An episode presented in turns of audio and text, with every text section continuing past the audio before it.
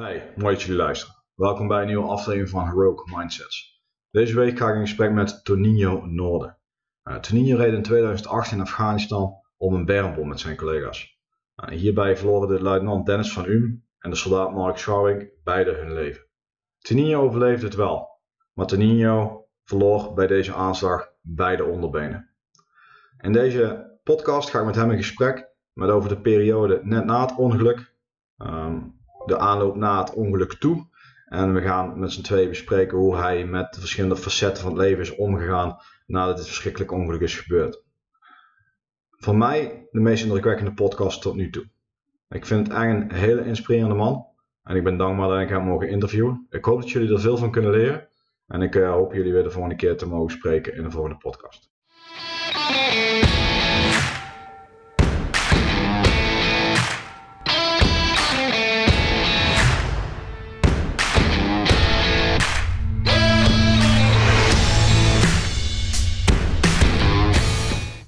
De podcast Heroic Mindsets. Uh, zou je jezelf even kort willen voorstellen? Uh, ja, ik ben Tonino Norden, ik ben 31 jaar, ik uh, woon in Amsterdam. Ik ben in 2006 uh, ben ik opgekomen bij de landmacht. Mhm.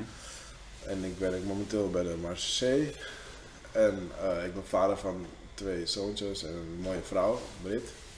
Mooi. En ik werk nog steeds voor Defensie en met Defensie. Oké, nou, gaan we straks er dieper op in. Ja. Waarom je dat uh, specifiek zo benoemt. Ja. Wat is mindset voor jou? Mindset is wel heel belangrijk. Um, eigenlijk alles wat ik doe, heb, moet je een juiste mindset hebben. En voor mij, ja, uh, ik geloof ja, heel heilig in mezelf. En ik ben best wel spiritueel. En het komt eigenlijk na mijn ongeluk dat het best wel is gaan groeien, zeg maar. Mm. Omdat ik best wel wat uh, obstakels heb gehad. Ja. Die ik toch wel alleen en ook met mijn familie heb uh, overwonnen.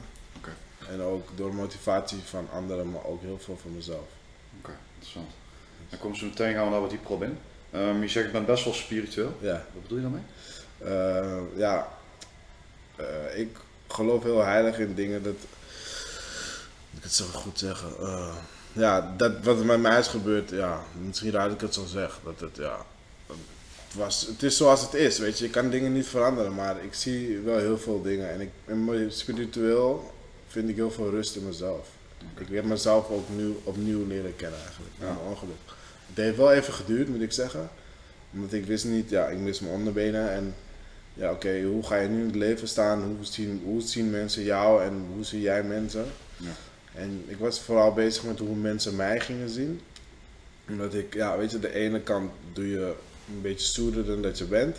Omdat je bang bent dat mensen denken dat je zielig bent omdat je in de rolstoel zit en je benen mis. Aan de andere kant, als je gewoon jezelf blijft, dan nemen mensen zoals je bent, zeg maar. Ja. En uh, ja, weet je, dat was nog best wel een paar jaar te zoeken, moet ik eerlijk zeggen. En het was niet een makkelijke weg, maar uiteindelijk heb ik wel mijn rust door mijn eigen spirituele momenten, heb ik dat mezelf wel gevonden. Erin. Ach, mooi om te horen. Ja. Ja, want je haalde het aan, um, je werkt nog steeds bij Defensie. Ja. Uh, wat was het moment dat jij eraan dacht om bij Defensie te gaan? Um, nou, op een gegeven moment in 2005 kwam ik op het moment dat ik op school zat, op het ROC in Daalmer, toen deed ik een ICT-opleiding. En toen kwam ik er steeds meer achter dat het gewoon niets voor mij was, weet je. Ik bedoel, ik zat daar op school en het, ik kan me herinneren, de eerste jaren, het eerste jaar begonnen met iets van 25 leerlingen en uiteindelijk waren er nog maar 15 over. Ja. En het bleek dus dat je gewoon je stage goed gefixt moest hebben. En dan had je gewoon een diploma. Ja, weet je, als dat zo makkelijk is. Dus het tweede jaar ging ik er gewoon wel weer in. Wel gemotiveerd, maar ja, weet je, uiteindelijk zie je dat er steeds meer, minder mensen komen. En het animo daalde gewoon. En op een gegeven moment ga je, krijg je een moment dat je over je leven gaat nadenken. En, Ja. en dacht van, ja, weet je, is dit wel iets voor mij? En ja, in ICT zie ik het wel voor me. Wat wil ik dan gaan doen? Mhm. En toen ging ik in gesprek met mijn vader. Ja. En die zei, waarom ga je niet het leger in? En dat, toen ben ik dat eigenlijk gaan ja, onderzoeken. En heb ik eh, ja, daarvoor gekozen. Oké. En had jouw vader zelf ook ervaring in het leger? Dat Ja, hij- was uh, dienst, hij had dienstplicht. Ja. Wat heeft hij gedaan?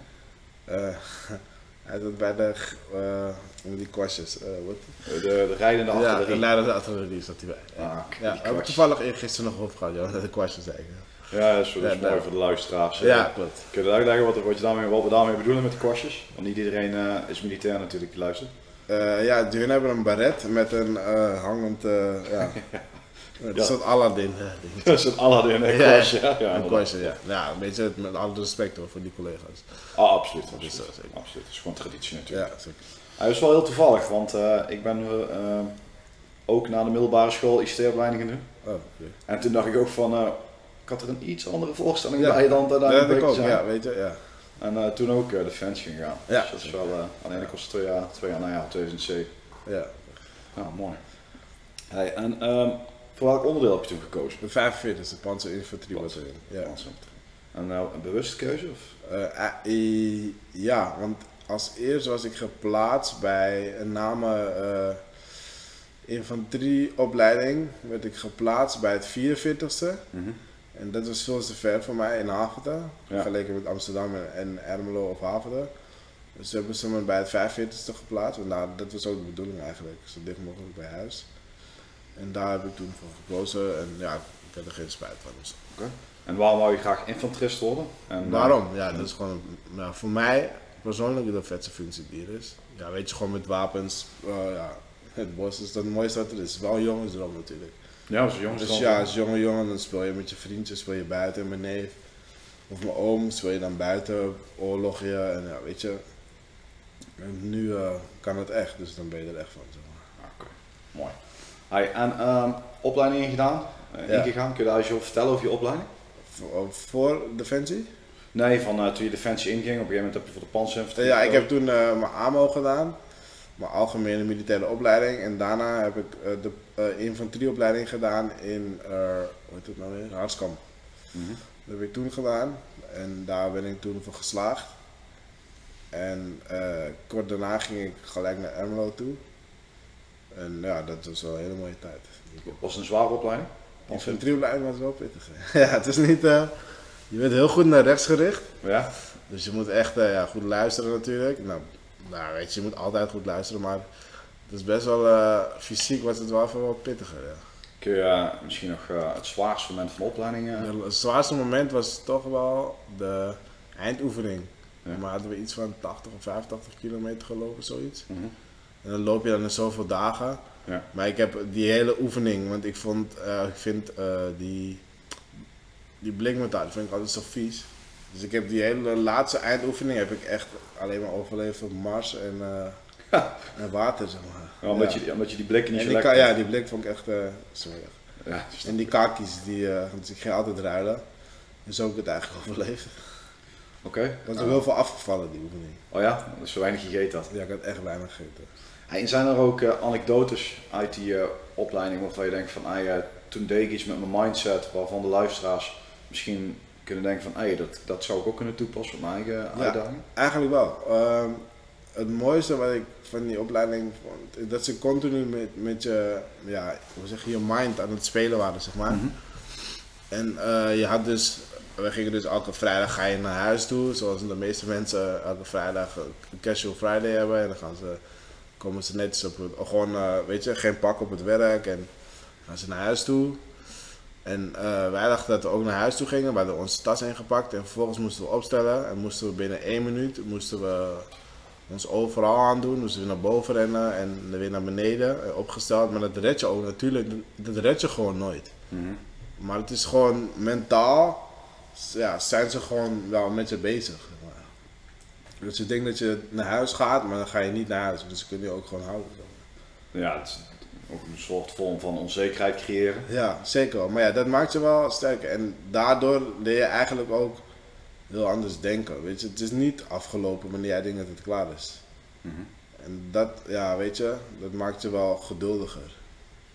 Dat je wel ook geniet van de momenten die je wel hebt. En uiteindelijk, ja, zeg maar, na mijn ongeluk, heb ik dat wel, zeg maar, heb ik wel veel gehad. zeg maar. Ja, precies. Dus de dingen die je toen Ja. geleerd hebt in je opleiding, Ja, zeker wel. die hebben je geholpen toen ongeluk Ja, maar vooral mentaal, weet je. Dat je gewoon niet met de pakken neer moet zitten en dat je gewoon door moet gaan. Ja. Eigenlijk waar anderen stoppen, dan ga je verder. Zo. Zoals het credo van de landmacht. Ja, ja, dat is wel zoals het is, zeg. Nou, wij gaan door waar anderen stoppen. Ja. Oké. En ehm, zijn er nog meer van dat soort lessen die je hebt meegenomen vanuit je basisopleiding? eh, Na, van de infanterieopleiding. Ja, weet je, er worden altijd wat dingen geroepen, pijn en emotie, eh, kan je uitschakelen. ja. En dat soort afgestampte dingen. En daar heb je wel veel aan. Maar geloof je ook in? Ja, zeker wel. En eh, kun je dus uitleggen hoe je dat ziet? Ja, weet je, je hebt gewoon momenten dat het zwaar is. Ja. En dan moet je gewoon doorgaan. Ik heb met mijn protheses gehad. Dat ik eh, liep en dat ik gewoon eigenlijk helemaal kapot ging. Mijn benen echt pijn. Maar dan zet je toch weer die stappen om vooruit te lopen, weet je. Mijn Mhm. benen helemaal verzuurd en trillen. Ja. Weet je, en dan ga je gewoon, dan denk je gewoon aan dat soort dingen. Maar kijk hoe ver ik al ben gekomen. Kijk, wat, kijk waar ik vandaan kom, kijk waar ik nu ben. ja. En waarom ga ik stoppen, weet je. Dan ga je gewoon verder. En Ja. dan haal je wel het beste uit jezelf, zeg maar. Even reflecteren en relativeren. Ja, zeker. Maar heel veel reflecteren, dat is wel heel belangrijk. En dat is toch wel iets spiritueels. Ja. Dat je gewoon, ja, niet iedereen doet het en weet je, ieder zijn ding hoor. Maar ik reflecteer heel, veel. Want als ik iets doe, en ik zeg ook niet altijd de slimste dingen, maar, of niet tactisch. Maar uiteindelijk kan ik dan wel mezelf in de spiegel kijken van oké, als iemand dat tegen jou zou zeggen, hoe zou je er dan mee omgaan? Ja, inderdaad. Ja. Dat zijn wel dingen waar ik wel echt mee bezig ben. Nou, dus reflectie zou, Ja. zou ook iets zijn wat je zou willen aanraden mensen. Ja, bij heel veel mensen. Want heel veel mensen roepen heel vaak iets en die raken heel veel mensen en dan denken ze daar niet bij na. Ja, mensen mogen iets tot achterom gaan met wat ze... Ja, eigenlijk wel, ja, ja zeker. Oké. Hey, en ehm, wat vond je het mooiste moment voor je opleiding? Het mooiste moment, ja, dat, je, dat ik, toen ik geslaagd was natuurlijk. Ja? Ja, dat je gewoon eh, dat je geslaagd bent. En, ja, dan gaat er gewoon, zo, je hebt zoveel rust in je lichaam op dat moment. Trots ook? Ja, zeker. Ja, Ja, voorstellen. Ja. Hey, en ehm, kun je nog een keer iets vertellen over kameraadschap? Wat dat gedaan heeft met, eh, met jouw eh, ervaring binnen Defensie? ja, dat is wel heel belangrijk, kameraadschap. Ja, je doet altijd eh, eh, met elkaar en voor elkaar. En Ja. dat vind ik ook het belangrijkste. En dat is niet eens dat ik dat heb gehad eh, tijdens me, met de- bij mijn eenheid, maar ook gewoon daarna in Doren bij mijn revalidatie. Dat, er gewoon, ja, dat je gewoon mede collega, of dat je collega's hebt Ja. die ook gewond zijn geraakt en dat ze toch wel bij je fysio komen kijken. En dat ze het eigenlijk zwaar en moeilijk maken. Dus dat je klaar bent bij de fysio en dan is je rooster uit elkaar gehaald. Ja, dat is je ene band is daar en de andere band is daar. Weet je, maar dat zijn wel dingen, ja, weet je, je wordt er wel sterk van. En, en dat soort dingen, dat, ja, dat is wel, vind ik wel belangrijk. Niet iedereen begrijpt het. En er zijn toch wel dingen bij Defensie die niet elke burger zal begrijpen. En ik denk dat dat ook mooi is. En dat wij als Defensie dat wel moeten koesteren. Denk ik ook. Ja. Als militairen, weet je. Je hoeft, niet, je hoeft elkaar niet eens te kennen als militair. En je zegt, hé, hey, ben jij daar geweest? Ja, daar, oh ja, weet je nog, dit en dit en dit. Ja. En dan heb je, ja, weet je, dan heb je gewoon een verhaal. Ja. Ja, dus uh, ja, dat is het mooiste van uh, Defensie. ja, vind ik zelf ook. En wat je net aanhaalt, van, uh, dat je buddies dan je rols elkaar halen, Ja, daar, daar hoor ik ook wel een klein beetje natuurlijk humor in terugkomen. ja zeker. Dat zal denk ik ook een heel belangrijk Ja, aspect dat is het zijn belangrijkste van alles. Anders kan je het goed stoppen. Ja. En dat is, uh, ik heb het bij mijn eigen uh, groep gemerkt. Of groep dan, bij mijn Romeo groep waar ik zat. Mhm. We hadden echt heel veel humor en het ging af en toe wel hard aan toe. Ja. Maar weet je, dat maakte onze groep wel echt een hechte groep. En wij wisten echt alles van elkaar. Wat onze ouders niet wisten, dat wisten wij wel van elkaar. Ja. En dat maakte onze groep wel, het is een hele emotioneel, maar toch wel een hele hechte groep. ja, precies. Ja. En dat, maakt, dat vind ik echt mooi. En dat, die kameraadschap, die vind je echt niet uh, overal. Zeker niet. Hoe- komt dat denk je, dat het bij Defensie wel zo groeit en uh, bijvoorbeeld in bedrijfsleven? Je maakt gewoon dingen mee. En je, uiteindelijk moet je toch, uh, ja, dat is wat ik net ook zei, het is uh, voor elkaar, of met elkaar en voor elkaar. Want uiteindelijk als de, de collega bijvoorbeeld, we hebben het wel eens gehad in Afghanistan, dan ga je scenario's bespreken, oké, okay, what if, en stel voor dat iemand gewond raakt of zo. Ja. Weet je, dan moet jij wel diegene zijn die naar voren springt en wel dekkingsvuur geeft of zo. Ja, precies. Ja. En dan moet je er wel staan, hè. En ja, dat, dat soort dingen, dat heel veel mensen die kunnen die klik niet maken, maar dat is wel het belangrijkste, zeg maar. Mm -hmm. En dat merkte je ook toen wij gewond zijn geraakt, dat het gewoon allemaal klopte, zeg maar. Oké, okay, ja. Um, ben je paraat gegaan? Uh, ja. Bij het, wat zijn het? 45. 45. Ja. Uh, kun je eens wat beschrijven hoe die tijd eruit zag voor jou? Dat was wel een hele mooie tijd. Ik kwam ook heel veel jongens tegen vanuit Amsterdam en die bij mij in de buurt hebben gewoond. Okay. Dus het waren, ja, weet je, het was een beetje als thuiskomen. Ja. En natuurlijk moet je wennen als je bij een, eenheid, een nieuw bij een eenheid bent. En de eenheid heeft bepaalde rituelen. En wij waren het uh, Bravo uh, Leeuwkompie, zeg maar. Dus eh, ja, weet je, zo heb je dan de alfa, die is weer een andere, de struisvogel of zoiets. Dus dat soort dingen heb je wel altijd. Mhm. En ja, het is wel een heel warm gevoel. Ja. Want dan ben je echt lid van een eenheid en helemaal dat je, die, eh, dat je bent ingewerkt, dat je die, eh, hoe zeg je dat ook alweer? Eh, ja, dat je, dus dat je uiteindelijk een lul bent. Heel erg. En Met wat een soort inauguratie, net zoiets. Ja? Dat, als je dat hebt gehad, zeg maar, wij waren de leeuwen en dan moesten we een leeuwentest doen. En vervolgens ben je de leeuw en dan ben je een van ons, zeg maar. Ik, een leeuw? Een leeuw, ja. Een leeuw. Een leeuw, ja. Ja, wij waren sorry, er waren een brave leeuwkompie, zeg maar. Ik, ik, ik verstond eh, eventjes eh, iets anders dan Een leeuw. Ik oh een leeuw. Dat je een leeuw bent. Nee. Ja, dat verstond ik. Nee, dat kan je niet zeggen. oh, sorry, ja. Nee, dat maakt niet Ja, een leeuw. En wij waren de leeuwenkompie. En eh, ja, dan heb je een bepaalde test die je moet doen. En ja, als je die hebt gehaald, dan ben je een echte brave leeuw. Eh, Ah. Ja, dus dat soort dingen. Denk je dat, eh, ja, dat, dat, dat hoort er natuurlijk ook, eh, dat raakt ook heel erg bij een saamhorigheidsgevoel, hè? dat Ja. iedereen dezelfde soort test heeft moeten doorstaan. Ja, zeker. Voordat je lid wordt van een eh, bijzondere groep, Ja, en in jullie geval een uh, 45 Ja. Mooi. Hey, en op een gegeven moment kregen jullie te horen van jullie commandant van oké mannen, we gaan volgend jaar op uitzending. ja klopt. Hoe zag die periode daarna uit? Mm. Ja, dat is best wel... Ik kan me nog herinneren dat we bij elkaar werden geroepen in het kompiesgebouw. En eh, iedereen stond daar natuurlijk. En op een gegeven moment kregen we te horen van mijn commandant, nou jongens, onze eenheid is aangewezen om eh, in 2008 op eh, uitzending te gaan, zeg maar. Ja, en daar ben je er wel van. En dan wordt er gevraagd van, ja, wie, wil, wie wil er mee Ja. en wie niet. En dan nou, zie je handjes omhoog gaan wie wel mee wil. Of eigenlijk wie niet meeging, moest handen omhoog doen. En er waren toch een, voor mij drie of vier mensen Ja. die meegingen. Ja, weet je, dan weet je eigenlijk voor jezelf dat het index is. Dat het gewoon, ja, daar heb je er niets mee te zoeken. Zeg maar. Ja. Weet je ook waarom die mensen liever niet mee willen? Eh, nee, sommige vonden het te gevaarlijk, denk ik. Ja.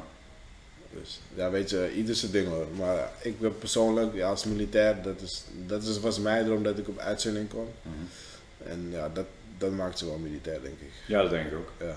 Nou, als je daar toen niet bereid bent, en dan zijn Ja. natuurlijk altijd, Ja, er zijn wel eens redenen waarom niet, bijvoorbeeld een zwangere vrouw thuis. ja, ja, weet je. Ja, ziekte in de familie. Ja. Maar als er verder geen bijzonderheden zijn, dan Nee, denk ik wel dat de bedoeling is je op uitzending gaat. Dat lijkt me wel zo. Dat is wel je traint. Ja, zeker. Ja. Hey, hoe zag je de opwerkperiode eruit? Eh, we hadden best wel een drukke opwerkperiode. We hebben heel veel oefeningen gedraaid. En ons eh, peloton was niet echt eh, gevuld qua mensen. We Nee. hebben best wel, ja, niet heel- wij waren het minst gevulde op peloton, zeg maar. Wel meest sterke natuurlijk. dus nee, we waren minst gevuld.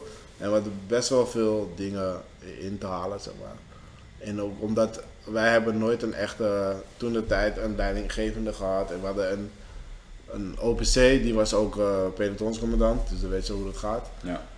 Omdat onze eenheid was weer eh, opnieuw opgericht, dus er kwamen weer mensen bij. En uiteindelijk was het wel compleet en hebben we heel veel oefeningen gehad. Mhm. Maar we hebben ook heel veel uren gemaakt gewoon op de kazerne. Gewoon echt oefeningen met, eh, met sprongen, zeg maar.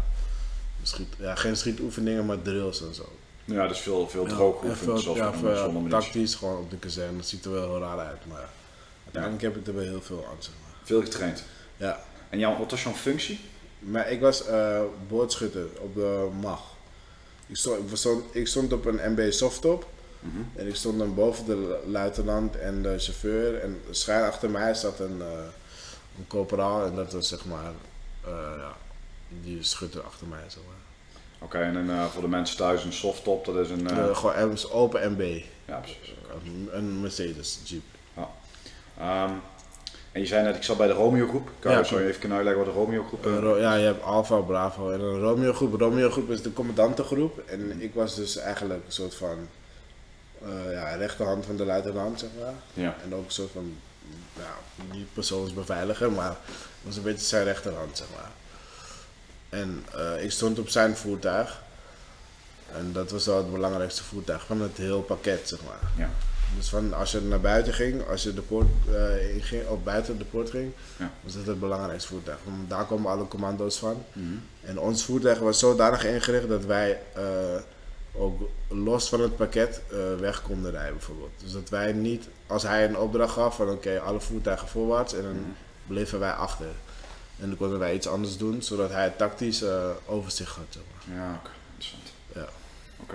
Hey, en op een gegeven moment, uh, toen was het opwerktraject, hadden jullie klaar, ja. iedereen was voorbereid. Ja. Toen zijn jullie vertrokken. Ja. Wat gaat er dan door je heen? Ja, en hoe ga je daarmee om? Ja, het is wel, je gaat ergens naartoe, maar je weet gewoon niet waar je naartoe gaat. Mm Het is geen Goose Alsmark of zo. Nee, nee. Nee, weet je, je stapt, een vlieg, je stapt een bus in en je rijdt naar Eindhoven. En dan is het nog wel leuk. En op een gegeven moment uh, ga je het vliegtuig in. En dan begint het eigenlijk. Kom, we waren ook voor mij Minaat aangekomen of zoiets. Mhm. En vanuit daar gingen we weer naar uh, Kandahar als ik het goed heb. Ja. En ja, toen begon het eigenlijk. Want op Kandahar, als je op Kandahar bent, is er eigenlijk al, de, al dreiging. Mm Dus je krijgt je spullen, je vest en zo. En dan begint die dreiging al. Ja. Want er kan ook, kunnen daar ook gewoon motieren overheen komen. Mhm. En dat hebben ze wel eens gedaan. Dus gelukkig niet uh, toen wij er zaten. Dus uh, ja, weet je, dan is het al spannend, zeg maar. En ja, je weet gewoon niet wie je moet vertrouwen. Want je weet ook niet wie je kan vertrouwen. Het zou bijvoorbeeld die Afghaan die even net de toilet schoon te maken, waarop je hebt geplast of zo. Die kan omdraaien en die steekt je neer. Ja, weet ik zeg maar wat. Maar dat zou ook gewoon kunnen, zeg maar. En dat is best wel lastig van de missie zelf. En hoe ga je daarmee om? Ja, je bent gewoon scherp. En je let gewoon op elkaar. En vooral dat mensen niet. Uh, ja, je let gewoon eigenlijk, heb je gewoon continu 360. ja. Ja. Ook als je slaapt heb je gewoon een 360. Ja, goed zorgen voor elkaar. Ja, je slaapt eigenlijk nooit uh, echt diep. Nee. Je hebt altijd 360. En um, nou, toen kwam, uh, we, hebben het, we hebben het al een paar keer natuurlijk het onderwerp aangetikt. Uh, er is een dag gekomen dat jullie met uh, jullie eenheid de poort uit zijn gegaan. Ja. En toen is er van alles gebeurd. Zou je wat kunnen vertellen over die dag, van, van s morgens tot eind ja, het is eigenlijk een week is het voorbij. Het was een hele week. We hebben die, die oefening, was of oefening, die missie gedraaid. Kun je daar iets over vertellen? Van, hoe dat, de aanloop daar naartoe? En... Ja, op, het, op Kamp Holland kregen we te horen dat het een hele ja, soort van geheime missie was. Dat we niet met mensen over mochten praten en niet okay. mensen van de eenheid of zo. Ik weet niet waarom dat was. Maar...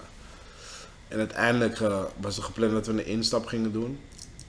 Wat is dat, een instap? Uh, een instap is gewoon dus dat je gewoon een dorp ingaat en dingen in beslag gaat nemen. Zeg maar. En we hadden wel gehoord dat er ja, verboden spullen waren bij mensen thuis, drugs en uh, wapens en zo. Oké. Okay.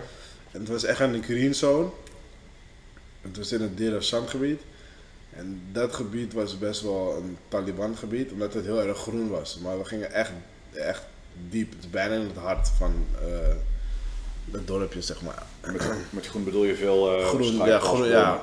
Dus je moet het zien, je bent in de woestijn en waar het groen is, daar leven mensen, zeg maar. Ja. En uh, ja, die mensen die daar leven, waren geen aardige mensen. Zeg maar. Ja. En we waren, gingen best wel diep in het groene, zeg maar. Ja. Dus ja, weet je, je krijgt dan tevoren, van tevoren al te horen wie daar een beetje een leider is. Dus een Taliban-leider die daar zit. En je krijgt gewoon een hele goede intel eigenlijk. En op basis van dat ga je dus daar naartoe rijden en die instap doen eigenlijk. En het was gewoon een paar dagen dat we al daar waren. Gewoon, je gaat een beetje observeren, of verkennis gingen observeren. En dan krijg je intel terug. En in de ochtend krijg je een briefing van de commandant en die gaat vertellen hoe en wat, wat gaat gebeuren en wie wat gaat doen. En dan ja, weet iedereen gewoon wat hij moet doen. Ja. En dan ja, ja, weet je, dan ga, ga je spullen gereed maken en dan ben je ervan. Zeg maar. Wat moest jij doen tijdens deze opdracht? Ik was, uh, ik was gewoon bij mijn groep toegevoegd, bij de Romeo groep en natuurlijk uh, achter de luitenant. En uh, ja, we liepen dus gewoon het, het dorp in. Ja. En je moet gewoon natuurlijk goed opletten, want je weet niet waar van een, een strijk kan komen, dus een aanval. Mm -hmm. En je moet gewoon heel goed opletten op van alles en nog wat. Ja. En ja, weet je, je gaat gewoon daar naartoe en wij waren met de ANA's en de mariniers. Wat zijn ANA's? Die, uh, of die algemene, of uh, Afghan, Afghan National Army of zoiets. Is dat? Ja. En dat, zijn, dat is dan het leger van, de, uh, Afghanistan. van Afghanistan. En de mariniers die hadden hun opgeleid. En die, gingen, die waren eigenlijk PO, dus die, waren, die gingen altijd vooruit. En wij gingen achter hun uh, aan. Dan mochten hun in een zeg maar, vuurcontact komen. Kunnen hun op ons terugvallen. Zodat wij zeg maar, misschien over hun heen kunnen gaan met ons vuursteun. En hun kunnen zeg maar, helpen. Mm -hmm. En wij gingen hun continu een veilige plek geven. Dus hun gingen vooruit en dan gingen wij bijvoorbeeld de naam ruimte in. En dan was het veilig. Dus mochten in een vuur komen, konden ze op ons terugvallen, zeg maar. Ja, dus je ondersteunt elkaar Ja, je, eigenlijk. dekt elkaar eigenlijk. Ja, inderdaad. En zo gingen we continu door. En zo stoot je dan helemaal een dorp door, zeg maar. En, eh, en toen zei hij dat dorp, eh, daar zijn jullie ingegaan. Ja, En eh, wat, wat hebben jullie daar gedaan? ja het was gewoon een beetje actie. Mhm. En ja, die Afghanen gingen natuurlijk vooruit en die gingen dus die huizen een beetje searchen. En wij gingen ook op advies van onze commandant bepaalde huizen searchen. Ja. En op een gegeven moment, voor mij dan, de ene laatste dag, werd er een beetje geschoten voorin door die Afghanen. En toen werd het wel spannend, weet je, want dan, dan ben je ervan, zeg maar. En eh, op een gegeven moment kreeg ik een commando van mijn, eh, van mijn sergeant. Van oké, jij Norden, jij dat huisje nemen met eh, voor mijn grootste van de genie. En vervolgens ja, trapte ik die deur in. En er kwam mijn hond op me afrennen. En op een gegeven moment zat ik van, up, weet ik wat, die hond... ik zag niet dat hij vast zat. Dus ik richt mijn wapen op die hond en ik kijk over mijn rechter schouder en ik zie een, eh, een open ruimte. En vervolgens klik ik gewoon weg en ik ga die ruimte in, scan die ruimte, niets aan de hand. En eh, op een gegeven moment hoorde ik die collega's zeggen ruimte links, ruimte links. En dan gingen we weer naar buiten en er was een, dus, eh, een ruimte links. En ik hoorde wel wat geluid uit die ruimte komen. Ja. En op een gegeven moment zei ik, oké, weet je, bij drie klap ik naar rechts en jij naar links. Dus ik klap hem tegen de muur aan, zodat je- dat er niemand achter je langs kan komen. En dan heb je elkaar, dek je elkaar sector zo, zeg maar, qua scan. En op een gegeven moment eh, ging ik die ruimte in up en ik eh, richt mijn wapen zo op een kind.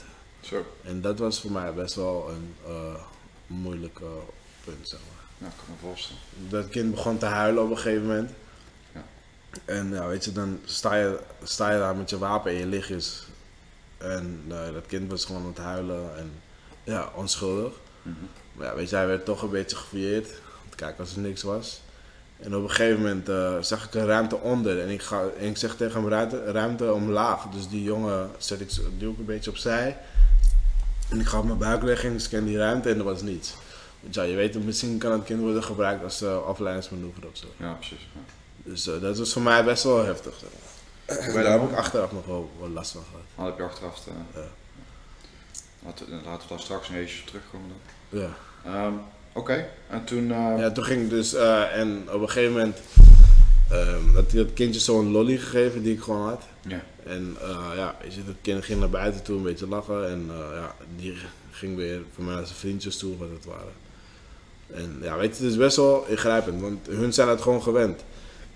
En op een gegeven moment kwam er vanuit ons kwam er, luchtsteun, dus vuursteun, omdat eh, de vijand een beetje te onderdrukken, zeg maar. En er kwamen mortieren over en ja, toen werd het wel gewoon echt spannend, weet je, want er kan elk, overal kunnen ze vandaan komen. ja, natuurlijk geen overzicht. en zo. Ja, weet je, dus Ja. 360 is dan heel extra alert. Ja. En op een gegeven moment eh, ja, ging hem afbreken, omdat het een beetje schemerig werd. En, en, kan me voorstellen dat je ook wel wat angst voelt tijdens zo'n tijdens zo'n opdracht. Eh, ik moet eerlijk zeggen, niet om stoer te doen of zo, maar het is wel gezonde of zo. Ja, weet ja. niet, weet je, het is... Kijk, als je bijvoorbeeld, als we op schietoefeningen waren en je, ging, eh, je doet een sprong, dus een sprong dat je verschieting vooruit gaat met je collega's, dan heb je ook een soort van spanning, want je schiet wel met scherp, zeg maar. Ja. En ja, dat is wel, ja, het is een lekker gevoel. Ja. Ja, het is wel een gezonde spanning. En het maakt je echt hyper, gewoon echt, gewoon alsof je 30 koffie op, in één keer drinkt of zo. Ja. Eh, ja, als je gevoelig voor cafeïne bent, zeg maar. Maar weet je, zo voelt het wel. En het is wel een heel apart gevoel, moet ik Ja. zeggen. Ik was niet, ik ben heel eerlijk, ik was echt niet bang of zo. Ja. Omdat je bent gewoon goed getraind. En je, je weet gewoon waar je, wat je kan. Je in elkaar. En je hebt vertrouwen, en dat zei ik, je weet er voor elkaar en met elkaar. En je hebt gewoon vertrouwen in elkaar. Ja. En weet je, je gaat er dan juist voor. Van oké, weet je. ja. Mooi. Dus eh, ja, dat, eh, ja, dat is wel het mooiste van militair, zeg maar. Ja. Het zijn onge, hoe zeg je het? Niet normale situaties waar andere mensen zouden stoppen, ga jij door, zeg maar. En dan komt het wel continu weer terug, weet je. Dus, dus dat is het, zeg maar. Dan is het wel weer goed dat je bij een infanterieopleiding dus een beetje wordt aangepakt, zeg maar. Ja, en mentaal ook, eh, ja, weet je, dat je gewoon bij de pakken neer gaat zitten. Ja. En ja, weet je, iedereen was gewoon klaar voor, zeg maar. Oh, mooi. Goed Dus eh, weet je, dus, Oké, toen werd het schemerig. Ja, toen het schemerig en toen eh, gingen, we eh, gingen we afbreken en terug. Maar onze voertuigen en nou, eenmaal ingestegen reden we weer. We reden we uit het gebied waar we dus waren. Reden we eigenlijk de dash in, dus de woestijn in. En op een gegeven moment hadden we een run, dus de rest overnight hadden we dus genomen. Omdat het ja, s'avonds te gevaarlijk is om te rijden, omdat je niet ziet waar je rijdt, zeg maar. Dat er daar geen, er is geen restlicht. In Nederland heb je gewoon lantaarnpalen, maar daar heb je helemaal niets. Dus, eh, dus dat gingen we dus toen doen. En die nacht, eh, ja, de stemming zat er wel goed in, zeg maar. Omdat het gewoon een geslaagde actie was. En dan ga je natuurlijk wat dingen bespreken van, ja, zeg, hij was bang of eh, weet je. Hadden jullie dingen gevonden? Ja, dat wel wat drugs, drugs gevonden, Ja. En eh, die leider die nog te pakken gekregen? Eh, nee, maar dat is ook zo wel. Oké. Ja, nee, dus, eh dus zo doen eigenlijk. Oké, de rest of the night gehad. Ja, rest of the night. En de volgende ochtend kregen we een commando, of commando, kregen we dus ook weer een briefing van de luitenant dat we terug gingen verplaatsen en dat hij nog een groepsfoto wilde maken. Ja. Niet wetende dat het onze laatste groepsfoto Zo. was. Dus met het pakket. En eh, ja, zijn vader werd toen ook eh, luitenant, of hoe heet het, generaal. Ja, commandant de strijdkracht, hè? Ja, dan de strijdkrachten, ja. Dat was wel heel bijzonder eigenlijk. Ja. Want wij wisten het wel en ja, de rest niet. Zeg maar. dat was wel heel bijzonder. En eh, toen, toen kreeg je die laatste groepsfoto gemaakt. Ja, groepsauto gemaakt. En ja, toen reden we weg. Ja, toen, voor net voordat we wegreden van mij, de verkenners, die gingen nog, gingen nog verkennen. En die hadden toen een eh, high value target gespot. Dat is zo'n eh zo'n leidertje zeg maar, van die Taliban. Ja. En ja, uiteindelijk was hij gevlogen. Dus, en dat was wel jammer. Ja. Dus, weet je. en op een gegeven moment gingen we terug verplaatsen. En na een tijdje rijden viel een collega voor, in het voertuig voor mij naar beneden. En toen was het boom. En vanaf dat moment, ik heb er niets meer. Dus je reed zeg maar achter Ja, hij reed in een, eh was hun reed in een Bushmaster. En eh, hij, viel, want, eh, hij viel naar beneden, dus waarschijnlijk was er een hobbeltje. En toen viel hij naar beneden en toen moesten wij lachen op het voertuig. En toen was het boom en vanaf dat moment weet ik eigenlijk niets meer. Zo. Dus je reed niets vermoedend terug. Ja, Je ziet een collega die uitglijden vallen. Ja, in het voertuig, ja. Naar beneden, hij viel onderlangs. En ja, toen moesten En we toen reden jullie voertuig Toen was het soft op. boom, ja. ja. En jij stond daarbij als... Ah, ik stond achter als uh, bootschutter. Als. Oké. Sinds- Ja. Sindsdien, nou, ja, vanaf dat moment weet ik allemaal niets meer. Oké. Dus. Wat, is, wat is dan weer het eerste wat je... Het eerste moment dat ik weet is dat eh, mijn ouders aan mijn bed stonden. En de militaire revalidatie, eh, of nee, in het CMA. En, hoeveel dagen later hebben we het dat is een paar weken. Eh, voor mijn maand, nee, ik het was zeven weken toen het gebeurd was. Je zit vier maanden, dus sowieso anderhalve maand of zo. Anderhalve maand later. Ja, zoiets. Ja. Dus heb je al die tijd in een coma gelegen? Ik, was, ik heb twee we- weken in kunstmatig coma ben ik gehouden. En toen ben ik wakker geworden. Omdat eh, ze heel veel operaties moesten doen. En toen ben ik dus, door de, voor de pijn ben ik dus in kunstmatig coma gehouden. En ehm, ja goed, we kunnen zien eh, onderbenen verloren. Ja, Nog meer eh, schade opgelopen? ja ik heb eh, mijn rechter onderarm, die is, was verbrijzeld. Ja. En ik heb een plaat van hier tot hier. En eh, mijn linkeroor ben ik doof. Oké. En ja, ik heb hier een sneetje. Zeg maar. dat is niet echt wat of zo. Ja, hier heb ik zeg maar dit. Ja. Ja, mijn onderbenen. Ik heb mijn rechterheup gebroken. Zo. Dus pennen in mijn been. En ik heb zo'n Harry Potter snee. Heb ik hier. ja. Humor, humor, hè? Ja. Relativeren. Nou, dat is het eigenlijk. Nou, Voor de is- rest doet alles het nog. Nou, mooi. ja. Nou. Hey, en, ehm, en toen werd je wakker, de eerste wat je kon herinneren. En toen kwam je erachter dat je gewond was. Mm, ja, eh, dat was best wel apart. Want eh, ik, heb, zeg maar, ik heb een fantoomgevoel, heb ik. Dus alsof ik mijn tenen voel, zeg maar. Ja. En ik eh, lag dus in het bed en ik doe mijn linkerbeen omhoog en mijn rechterbeen omhoog. Ik dacht van, weet je wat is dit? Ben ik vastgebonden. Op een gegeven moment met alle kracht die ik had, trok ik het laken weg en toen zag je dat mijn onderbenen misten. Zo, En toen begon ik wel even te huilen. ik kan me voorstellen. En eigenlijk vanaf dat moment eh, is mijn eh, zeg mentaal mijn herstel begonnen. Mhm. En maar ja, En al, er is eigenlijk alles begonnen. Ja. En uh, in het begin veel boos geweest misschien? Nee, helemaal niet. Hoe, uh, ja, weet je, ik heb niet, uh, ik heb niet, moet ik het zeggen? Ja, ik wist niet waar ik boos op moest zijn. Want ja, weet je, ik weet niet wat er was gebeurd. Er was niks uitgelegd en ik lag dan maar. Hopelijk voor me uit te kijken. Ja, weet je, ik weet niet wat er aan de hand was. En, en op een gegeven moment kwam mijn vader binnen. En ik vroeg hem van, wat is er gebeurd? Ja, ik vertel het je nog wel. Ik zeg, nee, wat is er gebeurd?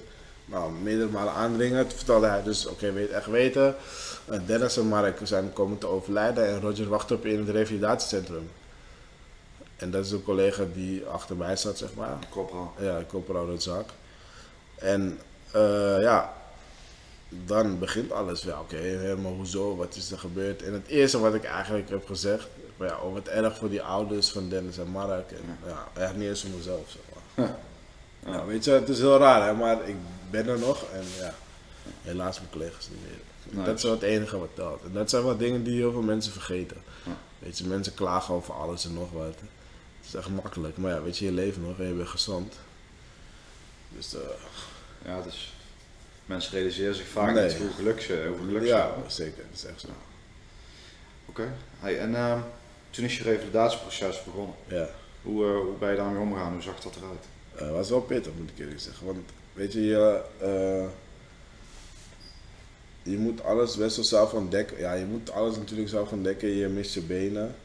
En het zijn, uh, hoe moet ik het zeggen? Kijk, als je bijvoorbeeld, uh, als je voetballer bent en je scheurt je kruisband, dan weet je dat je over een paar maanden weer kan lopen. Maar ik miste mijn onderbenen en ik wist niet als ik überhaupt nog zou kunnen lopen. En ja, weet je, ik had geen vooruitzicht. Ja.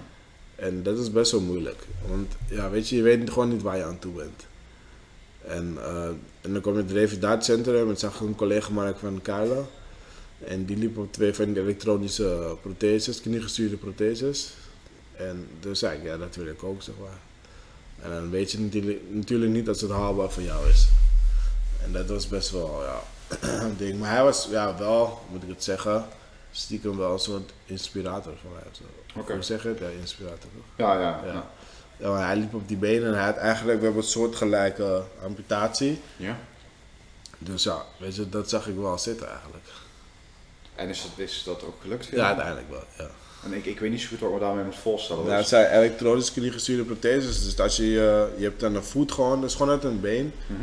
En die knieën zijn, zijn best wel dure knieën, zeg maar. En als je dan met je voet afwikkelt, dus je teen uh, verlaat, de grond, uh, verlaat de grond, dan buigt die knie. Dus dat zijn gewoon, ja. En als ik zeg maar een lange broek aan had, zou je niet kunnen zeggen dat ik prothese aan heb. Echt? Ja, dus daarvoor. Dus ik ben toen ook in 2013 ben ik naar Amerika geweest om opnieuw te leren lopen met uh, van die stubbies, zijn hele lage beentjes. En eigenlijk heb ik het vanaf toen opgebouwd naar ja, wat ik nu had, zeg maar. In die periode van revalidatie, uh, heb je toen veel steun gehad ook aan Defensie nog? Mm, nee. Nee? Nee. Is niet zo netjes met je omgegaan? Of? Uh, ja, dat wil ik niet zo zeggen. Maar weet je wat het is? Er zijn heel veel...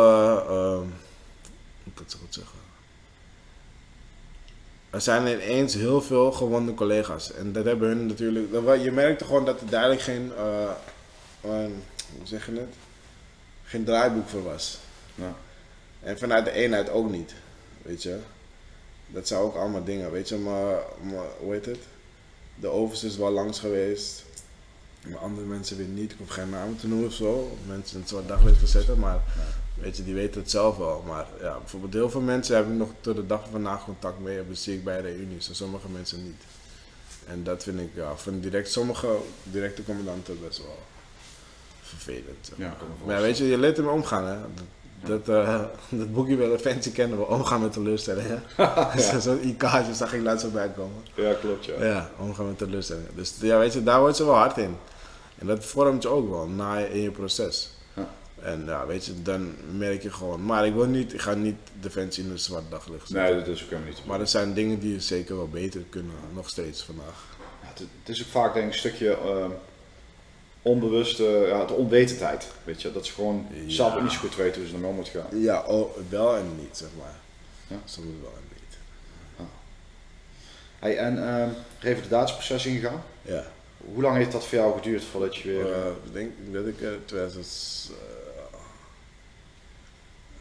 uh, vier jaar ongeveer. Vier jaar. Ja, zoiets. En uh, hoe, hoe ziet zoiets eruit? Uh, je begint in het begin, zei je... Ja, je gaat gewoon, je leert überhaupt rechtop zitten. Of in een rolstoel zitten. En na een paar weken krijg je een rolstoel aangemeten, komt het bedrijf langs. Ja. En dan, uh, ja. Maar het, het, mooiste dat ik wel vind van Defensie, moet ik eerlijk zeggen, ze laten je eerst gewoon echt uh, uitrevalideren. Dus uh, je moet echt aan jezelf werken. Dat is wel mooi, zeg maar. En het is ook mooi dat het militair revalidatiecentrum bestaat. Ik wist niet dat het bestond hoor. En dat is echt belangrijk, want je merkt gewoon dat een militair die heeft, gewoon, die heeft er gewoon heel veel aan. Het zijn gewoon collega's die er zijn. En uh, wij kunnen, wij twee, ik ken je niet heel of ik ken je eigenlijk helemaal niet. Maar wij kunnen dingen bij elkaar onderkennen wat andere mensen niet kunnen onderkennen. Ja. En dat is heel belangrijk. Ja, herkenbaarheid. Ja, dat is heel belangrijk. En die mensen, de meeste mensen die daar hebben gezeten, die zijn militair of zijn militair geweest. Ja. En dat is belangrijk, want hun kunnen ook dingen onderkennen die uh, je ouders of je vrouw of je vriendin niet zouden kunnen onderkennen, weet je. En dat zijn wel belangrijk. En dat is wel belangrijk, dat het er is. En dat heel veel militairen, dat ze, mocht er wat zijn, dat ze daar naartoe gaan. Zeg maar. hey, en um, vandaag ben je hier in een uh, rolstoel. Ja, klopt. Wanneer, ga je dan in je rolstoel en wanneer gebruik je die? Oh, mijn benen gebruik ik, uh, heb ik al een tijdje niet gebruikt. Ik heb uh, de laatste keer dat ik ze had gebruikt, had ik een, was ik gevallen, had ik ontsteking gehad. Okay. En sindsdien had ik ze niet meer gebruiken. Want ik moet wel eerlijk zeggen, die stoel is ja, heel makkelijk. Ja. En ja, met die twee kleintjes nu, die rennen weg. Dus ja, het is wel makkelijk, ben ik snel. Okay. En je zei het straks uh, eigenlijk een stukje in de intro van uh, uh, veel aan spiritualiteit gehad. Ja. Um, dat heeft je geholpen bij nu met de omgang met, jouw, met, ja, met, je, met je handicap. Ja, klopt. Kun je daar eens iets over vertellen van hoe je nu met bepaalde situaties dan anders omgaat als voorheen? Of wat je daar ja, ik, heb meer, ik moet eerlijk zeggen, ik heb meer rust gevonden. Meer rust. Maar ook ja, meer rust. En dat is wel belangrijk, want met, door die rust kan ik gewoon heel goed nadenken. En uh, ik weet ook wanneer ik zeg maar gewoon mijn rust moet nemen, zeg maar. Dat ik gewoon soms tijd voor mezelf nodig heb. Mijn vrouw weet het ook wel, zeg maar. Ja. En ik vind heel veel ook terug in mijn training. En ik train ook met een trainer hier. En ja, weet je, we hebben heel veel gesprekken, maar dat is wel heel goed, zeg maar. Ja, dus de sport helpt jou bij rust? Eigenlijk, eigenlijk moet ik heel eerlijk zeggen, uh, sport is wel, voor me mentaal is het wel 90%. Echt wel, ja? Okay, ja. Het is echt, als ik uh, heel veel dingen in mijn hoofd heb, dan ga ik gewoon sporten. Ja. En daarna is gewoon alles weg, zeg maar. Ja. Rust creëren, makkelijke keuzes maken, makkelijk relativeren. Ja, klopt. Ja, weet je, het zijn bijvoorbeeld, uh, zijn ook dingen met, uh, met het trainen ook. Hoe, ik vroeger train, of vroeger, hoe voorheen trainen en nu. Voorheen deed ik dan de jonge jongens, dan die zie, zie je hier ook in de sportschool wel eens. Die gaan er met heel veel, of met hele zware gewichten, Ja. heel forceren. Ik wil niet zeggen dat ik ging forceren, maar ik ging te vaak, weet je. En als je gewoon met een lichte gewicht meerdere herhalingen doet, dan bereik je misschien meer dan dat je... Dat, dat zijn dan dingen die je gewoon mentaal wel bewust maken van heel veel dingen. Ja, dat is misschien ook een klein stukje hun ego. Wat hun, Ja, eh, ja, weet je, over. Maar dat zijn, ja, weet je, iedereen is jong geweest. Tuurlijk, bedoel, eh, tuurlijk. de- het is gewoon een leerproces. Maar ja, weet je, voor iedereen, de een gaat er sneller doorheen en de ander minder snel. Ja, en een situatie zoals die voor jou, die versnellen Ja. dat leerproces natuurlijk Ja. ontzettend. ja. Dus je moet wel leren relativeren. ja, zeker, ja. ja. Dus, eh, nee, die, eh, nee, maar ik zeg het, die spiritualiteit, spiritualiteit, spiritualiteit is wel eh, belangrijk. Ja, mooi. Nou, mooi om te horen hoe je er zo mee om bent gegaan. Ja. Echt respectvol. Dank je. Super knap. Hey, en ehm, jouw vrouw Brit, Ja, heb je die leren kennen? na mijn ongeluk. Ja? Ja, via via. En eh, dat was wel een dingetje, zeg maar. Want eh, ze kent mij van het verleden, of via via, of een vriendin, zeg maar. En eh, nou, uiteindelijk is het toch goed gekomen. Dus. Ah, leuk man. Lang kort. Nou, fijn. Ja. En nu twee kleintjes? ja, zeker. Nou, leuk, super. Ik vind een heel mooi voorbeeld van eh, iemand eh, met zo'n ontzettend grote tegenslag. Ja. En dan uh, super tof hoe je, dat nu, eh, hoe je leven er nu uitziet. ja, weet je, het is echt wat je ervan maakt. Je moet echt niet naar andere mensen kijken en wijzen. Je moet gewoon zelf voor jezelf instaan en voor jezelf dingen doen. Mooi. En je zei eh, eh, dat je ook al eh, eh, voordat je het ongeluk hebt gehad, ehm deed sporten, fitness. Ja, En zoals ik zo, nou, zojuist ook een klein beetje met je besproken heb, nu zit je ook, in, je zei het net ook een paar keer, aan het trainen. Wat Ja. ben je precies aan het trainen? Oh, ik doe powerliften. Ja. Dat is gewoon bankdrukken, zeg maar.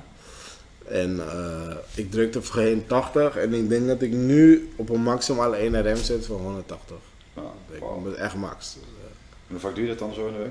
Eh, ik train nu gemiddeld drie tot vier keer in de week.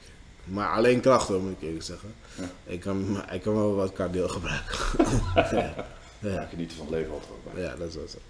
Hey, en ehm, heb je daar nog ambities in, wat je daarmee wil gaan doen? Nou, ik zou ooit wel de Paralympics willen bereiken. Ik had, in 2000, ik had een doel in 2020. Maar ja, weet je, er zijn best wel veel wat dingen tussendoor gekomen. En ik moet wel zeggen, mentaal was het ook niet echt een succes. Dus eh, ja, weet je, kan altijd, in mijn sport kan het altijd nog. Ja. Het is niet, daar zit geen leeftijd aan, want er zijn mensen die eh, voor mij 55, 56, die doen het nog steeds. Dus, ik vind het gewoon heel leuk en ik kan gewoon eh, al mijn energie erin kwijt. Ja. En ik krijg er ook wel veel energie voor terug. Ja, mooi. En eh, ja, weet je, eigenlijk die negatieve energie die dump ik en Ja. ik, ik druk die, negatieve energie, die positieve energie druk ik omhoog. Zeg maar. Mooi. Dus, Mooi om te horen. Ehm, je hebt ook volgens mij meegedaan in Invictus. Ja, Kun je daar Invictus Games. Ja, Invictus Games in 2014 was de eerste in eh, Londen. Zijn we met het militaire revalidatiecentrum zijn we daar naartoe geweest en collega's natuurlijk. En dat was echt een succes. Het was de eerste en het was voor mij wel echt heel erg mooi. Weet je, gewoon als militair is gewoon, nou, ik denk mooier dan de Paralympics. Ja. Want dus er waren ook eh, atleten die met de Paralympics hebben meegedaan. Die, die vertelden ook dat ze nog nooit zoveel media-aandacht hebben gehad. En dat dit eigenlijk ja, groter is dan de Paralympics zelf. Omdat het gewoon, ja, het is gewoon militair en mensen zijn gewoon trots. En weet je, je ziet zoveel militairen en zoveel amputaties en zoveel handicaps. En je, eigenlijk, je ziet het, maar je ziet het ook niet. Want het is er gewoon niet. Weet je, als militair ben je niet, je bent niet gehandicapt. Weet je, je bent misschien minder inzetbaar. Maar je bent gewoon, je blijft altijd militair, zeg maar. mooi. Hey, ehm, we gaan bijna afronden. Zijn er nog Ja. onderwerpen die je graag zou willen bespreken die ik niet heb aangehaald? Eh, niet echt niet of zo. Of dingen die je wel zou willen meegeven aan de luisteraars, waarvan je even denkt van als je iets meeneemt vandaag uit dit gesprek, dan zou dat het allerbelangrijkste zijn. Ja, dat je, ja, sowieso dat je nooit gewoon met de kop neer moet zitten. En kijk altijd naar mij. nee, maar eh, ja, weet je, ik heb echt veel mensen ontmoet. Echt heel veel mensen die, ik, eh, die me wel energie hebben gegeven, zeg maar. Op een bepaalde manier dat ik dacht van, oh, weet je. Bijvoorbeeld voor mensen als eh, Prins Harry heb ik echt heel veel respect. Zoals, sorry? Prins Harry, sorry. ja, weet je, dat hij zoiets organiseert voor eh, onze militairen. En je ziet gelijk het verschil, omdat hij zelf daar ook is geweest. Ja. In Afghanistan, dan zo iemand die kan gewoon meepraten en die weet wat je bedoelt, zeg maar. Ja, En dan zie je maar wat zo iemand neerzet, dat is gewoon geweldig. dat is bijzonder. Hè? Dat Ja. van het Koningshuis dan toch zo. Ja, weet je, dat is, eh, ja, dat is echt bijzonder. En Ja. ik denk als dat, dat wij als, in 2020 komt het ook naar Nederland. Ja. En dat we wel als Nederland gewoon echt trots moeten zijn. En dat gewoon heel veel mensen gewoon daar naartoe moeten gaan. Om te zien wat eh, wij als militairen hebben meegemaakt. En waar we nu doorheen gaan en waar we nu staan. Ja. En ik denk dat het wel bijna verplicht is. Ik vind het echt wel eh, belangrijk. Zeg. Dankjewel. Boeken, tips die je voor ons hebt. Oh, boekentips. Eh ja, ik kijk, ik kijk eh, heel vaak, of heel veel, de laatste tijd, eh, moet ik zeggen als ik dan fiets, cardio of zo, dan kijk ik naar Les Brown. Dat is op YouTube, is een, geen stand-up comedian, maar iemand die public speaking doet. En die heeft verschillende punten die hij aanhaalt. Dat vind ik echt, ja, heel, het is een wat oudere man hoor, Les Brown. Die filmpjes zijn ook wel wat ouder. Maar hij vertelt dingen met humor, maar je begrijpt het wel wat hij bedoelt, zeg maar. Oké. Het zijn echt eh, hele, het zijn echt hele aparte theorieën. Bijvoorbeeld eh, met de Chinese bamboetree, die groeit eh, heel langzaam, voor maar zoveel centimeter of millimeter per jaar. En zijn vijfde jaar groeit hij opeens bijvoorbeeld eh 30 centimeter. Ja. En zo zie je maar, vanaf, van, eh, vanaf nu tot je vijfde jaar kan er niks zijn, maar je vijfde jaar kan, je, kan juist jouw jaar worden bijvoorbeeld. Ja, ja. Dus dat zijn dingen, weet je, je moet het maar weten, maar er zit altijd wat achter. En dat zijn dingen, weet je, die je gaat onderzoeken. En dan kom je ook dichter bij jezelf, zeg maar. En dat zou ik mensen wel willen adviseren, weet je. Blijf altijd alle tijden dicht bij jezelf. Mooi. Want dat is echt belangrijk. Oké, top. Hey, waar kunnen mensen jou nog volgen? Om, uh, Eh, inspiratie- op Instagram heet ik uh. En op Facebook heet ik ook Tonino Norden. En ik heb ook een website. Dus. Maar op, eh, op Facebook eh, post ik ook de meeste dingen. Ik post niet heel vaak eh, dingen, maar ik vertel meestal gewoon hoe ik me voel. Mhm. En ja, als je, als je, je hebt van mij ook zelf wel wat verhalen gelezen. Ja. Ik draai nergens omheen. Ik vertel echt wat mijn, gevoel, wat mijn gevoel zegt en hoe ik me voel. En weet je, als mensen het stoer of zielig vinden, ja, weet je. Maar dat is zoals ik ben en ik vertel altijd een echt verhaal. En het is niet vaak dat ik eh, dingen post of zo, omdat ik best wel, gewoon best wel druk ben. Ja. Maar eh, ja, weet je, daar doe ik altijd mijn verhalen. En het zijn ja, best wel lange verhalen. Zeg maar. Ook gewoon dingen die ik meemaak. Bijvoorbeeld de laatste dodenherdenking heb ik ook een verhaal gepost. Ja, ik me voel. En Mooi. dat vind ik wel belangrijk. Ja, heel mooi. Bedankt voor dit gesprek. Ja, geen dank. En eh, uh, met absoluut een hele grote inspiratie voor heel veel mensen. Ja, en eh, hou dat zo vol. Ja. Eh, ik vind het echt super tof. Nou, dankjewel. Dankjewel. Ja, top.